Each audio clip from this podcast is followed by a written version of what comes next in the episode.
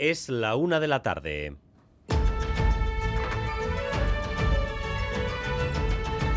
Crónica de Euskadi con Dani Álvarez. A Rachaldeón, tercer día de contraofensiva por parte de Israel contra los milicianos de Hamas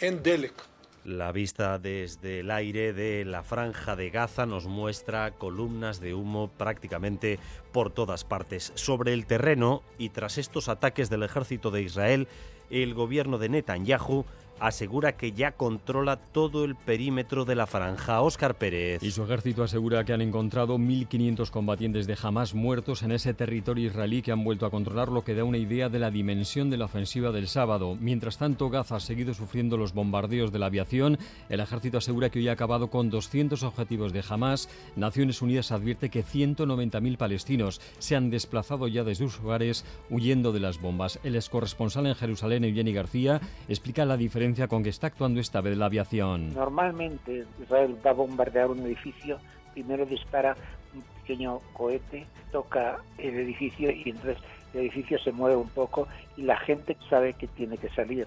Al cabo de unos 5 o 10 minutos viene otro avión y destruye completamente el edificio.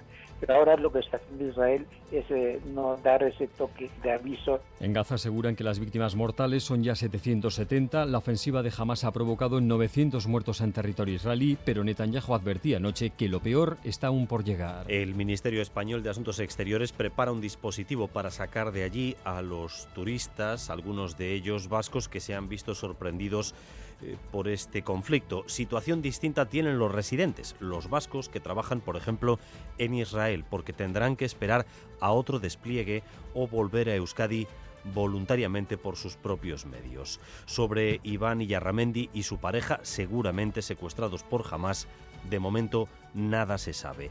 Pero estos días en los aeropuertos estamos viendo cómo muchos israelíes parten hacia su país para alistarse como voluntarios, dada la situación de reservistas. Lo está comprobando Xavier Madariaga, Rachaldeón Xavier. A Rachaldeón hay 300.000 reservistas. Israel ha hecho la mayor movilización de reservistas en décadas y eso se nota en aeropuertos europeos como este de Barajas, donde esos jóvenes veinteañeros que el fin de semana recibieron la llamada de su batallón se convierten en eh, prioritarios de las compañías israelíes de la compañía Elal, que es de las pocas que está manteniendo vuelos pienso que también en la, pesadilla más grave que uno puede tener no nos esperamos algo como esto, que para mucha gente, especialmente mi generación eh, y mis compañeros del ejército, no nos cuadra cómo ha pasado. Esos jóvenes llamados a filas dicen que lo están viviendo como una pesadilla. Además de los vuelos comerciales, el ejército judío ha mandado aviones propios para llevar de vuelta a casa a Israel a todo el que lo necesite. Además, esta mañana en Radio Euskadi hemos podido escuchar a la diputada general de Vizcaya, Elizabeth Echanove. Ha avanzado los planes para la, reforma fiscal que se avecina en Álava, Vizcaya y Guipúzcoa y también ha remarcado que la ampliación del Guggenheim en Urdaibai es un proyecto clave esta legislatura. Que lejos de perjudicar al entorno, de empeorarlo, eh, lo van a eh, mejorar.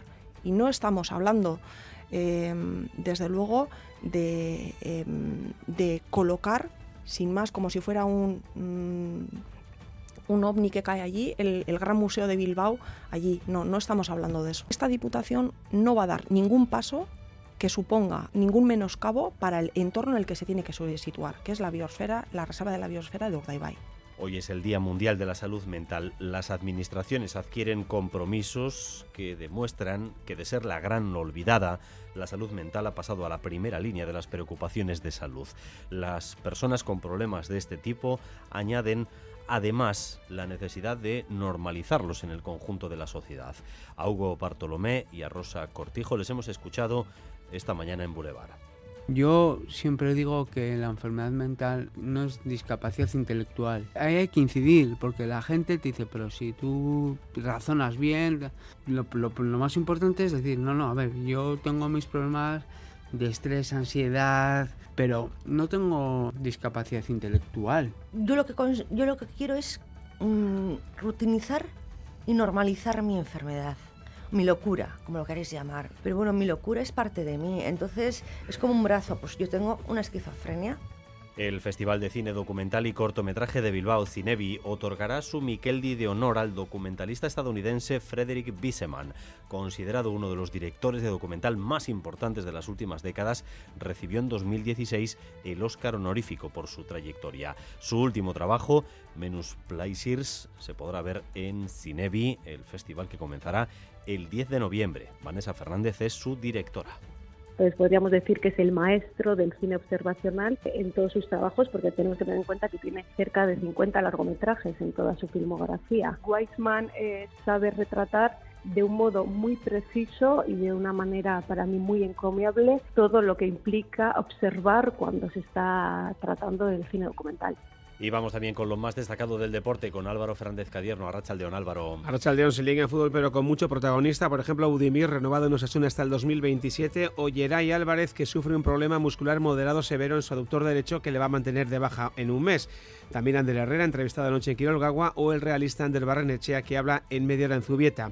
Además, el Athletic femenino derrotaba ayer al Sporting de Huelva por 3 a 0, asciende a la séptima posición de la tabla y en cesta ya tenemos final del Hayalay League la jugarán la Dutch Basque frente a Arquiaga y Gorka. Llevamos 20 días de otoño, pero no salimos del verano. En Canarias, de hecho, han suspendido las clases porque se están superando los 35 grados de temperatura. Irene Barañano. Desmayos, golpes de calor y pequeñas hemorragias han sido motivo suficiente para cerrar los centros no educativos no universitarios durante toda la semana. La isla lleva 12 días sufriendo altísimas temperaturas y la previsión es que no refresque. Poli Suárez, consejero de Educación.